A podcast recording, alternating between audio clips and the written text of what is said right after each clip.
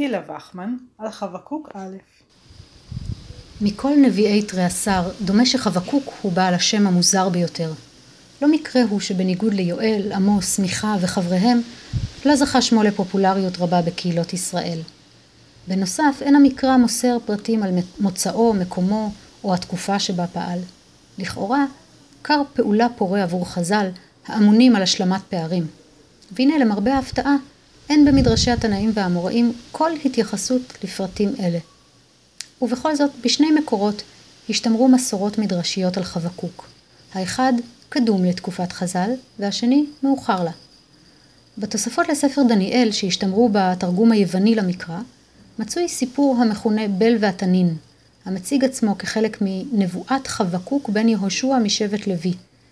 ובין היתר הוא מספר כיצד הביא חבקוק מזון לדניאל בהיותו בגובה האריות. ובארץ יהודה היה חבקוק הנביא, והוא בישל נזיד, ויבל את הלחם בסיר, ויצא השדה אל הקוצרים. ויאמר מלאך השם אל חבקוק, שנא את המאכל בידך בבלה אל דניאל אשר בבור האריות. ויאחז מלאך השם את דניאל בציצת ראשו, ויישאהו. ויאמר חבקוק אל דניאל, קום אכול את המאכל אשר שלח לך השם. המקור השני הוא ספר הזוהר, לפרשת בשלח, מ"ד עמוד ב', המזהה את חבקוק כבנה של השונמית, שעל לידתו בישר לה אלישע במילים, למועד הזה כעת חיה, את חובקת בן.